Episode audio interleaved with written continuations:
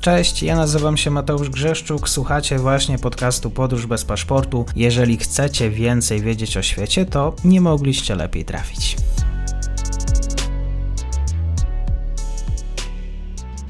Dzień dobry wszystkim e, słuchaczom. Mam dzisiaj wielką przyjemność gościć po raz pierwszy na kanale. Ze mną jest Katarzyna Sobiepanek, dziennikarka zainteresowana polityką brytyjską. Zapraszam też na portal Luka Politics e, po polsku. Będę umieszczał linki w opisie. Dzień dobry, bardzo mi miło. Dzień dobry, mi miło również bardzo.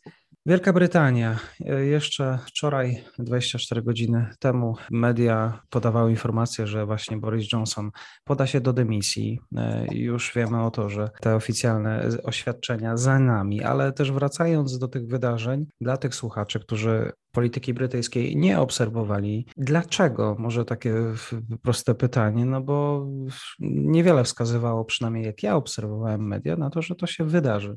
To jest proste pytanie i nie jest proste pytanie e, w tym, w tym samym czasie, ponieważ e, z jednej strony faktycznie być może jeszcze parę dni temu sądziliśmy, że Boris Johnson po prostu przejdzie przez kolejny kryzys, tak jak przechodził przez kilka innych. Natomiast tak naprawdę ta jego sytuacja e, pogarszała się i te kryzysy się nawarstwiały od mniej więcej roku. Mieliśmy na jesieni kryzys Owena Pattersona, który doprowadził do tego, że ten poseł odszedł z parlamentu, bo Boris Johnson próbował go bronić, ale w sposób taki dość nieudolny. Potem były wybory uzupełniające, które konserwatyści przegrali w okręgu, w którym nie powinni byli przegrać, bo od 100 lat im się to nie zdarzyło. Potem zaczęło się to, to słynne Partygate i kolejne informacje o łamaniu zasad lockdownu na Downing Street, autoryzowane w pewnym sensie przez Borisa Johnsona. To wszystko, co się działo, to było jedno, natomiast reakcja Borisa Johnsona, jego stosunki z jego własną partią, to była druga rzecz. I to przede wszystkim jego kłamstwa, to, że wysyłał ministrów, żeby go bronili w mediach, powtarzali to co, to, co on im powiedział, co było po jakimś czasie okazywało się kłamstwami. To było dla posłów najtrudniejsze, bo Boris Johnson, jaki jest, taki jest, wszyscy wiemy. Tu nie chodzi o jego politykę, tu nie chodzi o jego działania polityczne, bo z tymi część się zgadzała, część nie, ale tak jak to w każdej partii bywa. Natomiast chodzi o jego stosunek do prawdy, jego stosunek do osób, które z nim współpracowały, jego stosunek do partii. Wiele osób było po prostu coraz bardziej zniesmaczonych tym, co się dzieje. I to doprowadziło do pierwszego głosowania wotum nieufności miesiąc temu, które Boris Johnson wtedy wygrał, ale wygrał je naprawdę niewielkim marginesem głosów. Do tego, żeby odszedł, potrzeba było 180 głosów, 148 posłów wtedy powiedziało, że ma odejść. I on po raz kolejny, bo tych obietnic, że on się poprawi, że on się zmieni, było kilkanaście, on wtedy po raz kolejny powiedział, tak, zmienię się, będzie lepiej. Ale ostatnia afera, afera związana z rzecznikiem dyscypliny partyjnej, konkretnie z tym, że ten człowiek był kilkakrotnie oskarżany o molestowanie seksualne. Partia, partia konserwatywna te sprawy próbowała wyjaśnić, nie do końca one były wyjaśniane, to było też spore zamieszanie wewnętrzne, ale Boris Johnson cały czas go popierał i jakby o tych oskarżeniach nie chciał myśleć. Wysłał go y, z powrotem na funkcję właśnie rzecznika dyscypliny partyjnej, który miał się zajmować właśnie posłami, miał z nimi rozmawiać, prowadzić bardzo bliskie kontakty, często naciskać, a był to człowiek oskarżony y, o molestowanie seksualne, więc była to taka dwuznaczna sytuacja.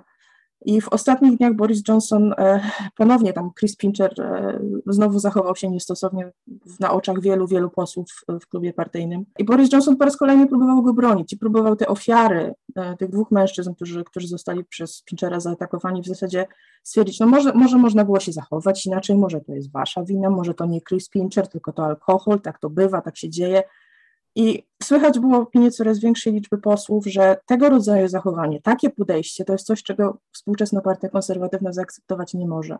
No i któregoś dnia w końcu też szala się przelała, dwóch posłów, dwóch ministrów, e, kanclerz i minister skarbu w poniedziałek zdecydowali się zrezygnować, no i poszła lawina, poszła lawina tych wszystkich, którzy wcześniej próbowali Borisowi Johnsonowi dać jeszcze jedną szansę, ale tym razem stwierdzili, że po prostu przeszliśmy już jeden most za daleko. Rozumiem, że teraz e, przed następcą trudna decyzja polityczna? Po pierwsze, jeszcze nie wiemy, kto będzie tym następcą. Um, mamy kilkunastu kandydatów, mówi się nawet o 20 osobach, kilku jest faworytami, kilku jest powiedzmy mniej znanymi osobami.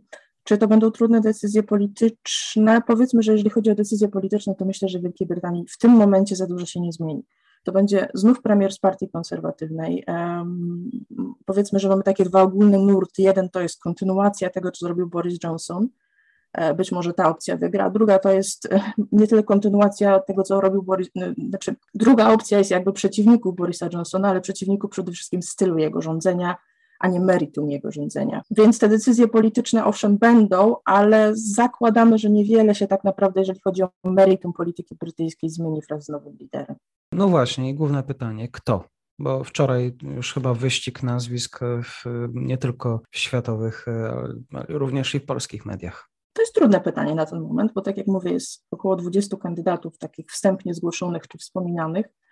Oficjalnie zgłosiło się e, jak do tej pory dwóch, to jest Suella Braverman e, i to jest Tom Tugendhat. To są dwa nazwiska, które są bardzo mało znane, ale niewykluczone.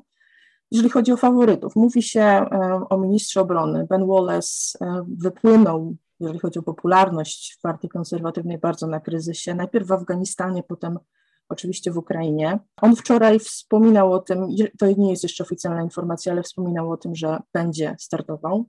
Mamy oczywiście Rishiego Sunaka, kanclerza, który właśnie zrezygnował w poniedziałek z udziału w rządzie Borisa Johnsona i który od wielu miesięcy było, była mowa o tym, że on będzie brał udział e, w wyborach nowego lidera. Mamy minister spraw zagranicznych Liz Truss, która też w zasadzie jeszcze nieoficjalnie, ale już tą swoją kampanię rozpoczęła i która będzie taką kontynuatorką w 100% Borisa Johnsona, tak, tak próbuje się kreować. E, mamy wśród bookmacherów faworytkę Penny Mordaunt, która e, miałaby niby połączyć wszystkie skrzydła partii konserwatywnej, i mamy jeszcze kilka, kilka innych osób. Mamy właśnie wspomnianego przeze mnie Toma Tugendhata i um, Jeremy'ego Hunta. To są przedstawiciele takich bardziej umiarkowanych e, konserwatystów, tych konserwatystów, którzy byli największymi przeciwnikami Borisa Johnsona. Tom Tugendhat dzisiaj rano w Telegrafie właśnie ogłosił e, swoją politykę, ale też jak się patrzy na poszczególne postulaty, to nie są one tak bardzo różne od tego, co mówi Boris Johnson. Jeżeli chodzi o to, co może się w kampanii przywijać najczęściej, to na pewno będzie mowa o Unii Europejskiej i o protokole północnoirlandzkim.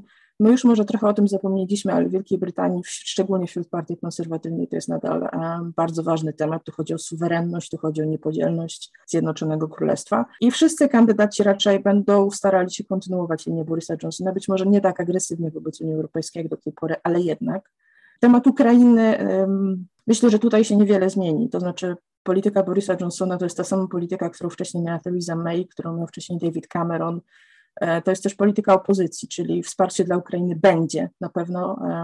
Co się może zmienić, moim zdaniem, troszeczkę, to znowu osobowość Borisa Johnsona była dość wyrazista. Ktokolwiek przyjdzie na jego miejsce, będzie być może naciski w troszeczkę inne miejsca nakładał, natomiast wsparcie dla Ukrainy będzie takie samo. Inne ważne tematy to na pewno podatki. E, Boris Johnson stał troszeczkę w takim rozkroku. Z jednej strony e, chciał obniżać podatki, no bo to jest hasło partii konserwatywnej oczywiście, a z drugiej strony bardzo dużo mówił o wydatkach. Mówił o wydatkach e, na program Leveling Up, czyli taki program wyrównywania szans pomiędzy regionami. Z drugiej strony mówił też o pieniądzach na, na Narodowy Fundusz Zdrowia w Wielkiej Brytanii NHS, które, który też jest w bardzo trudnej sytuacji po pandemii. E, więc teraz ta następna osoba, która, która go zastąpi, będzie musiała jasno się wypowiedzieć, czy jest za niższymi podatkami, czy jest za, za większymi wydatkami. I to myślę, że będzie też taką taką rzeczą, która wyraźnie tych kandydatów e, podzieli na kilka albo na dwie grupy przynajmniej. Dzisiaj w komentarzu Katarzyna sobie panek na temat właśnie polityki brytyjskiej, na którą zresztą, którą się interesujemy właśnie w tym szczególnym czasie. Bardzo dziękuję za komentarz i do usłyszenia. Dziękuję bardzo. I to już koniec na dzisiaj. Zapraszam na profil podcastu Podróż bez paszportu na Facebooku, Instagramie i Twitterze. Zachęcam też do wsparcia mojej pracy na serwisie Patronite oraz Buy Coffee. Do usłyszenia.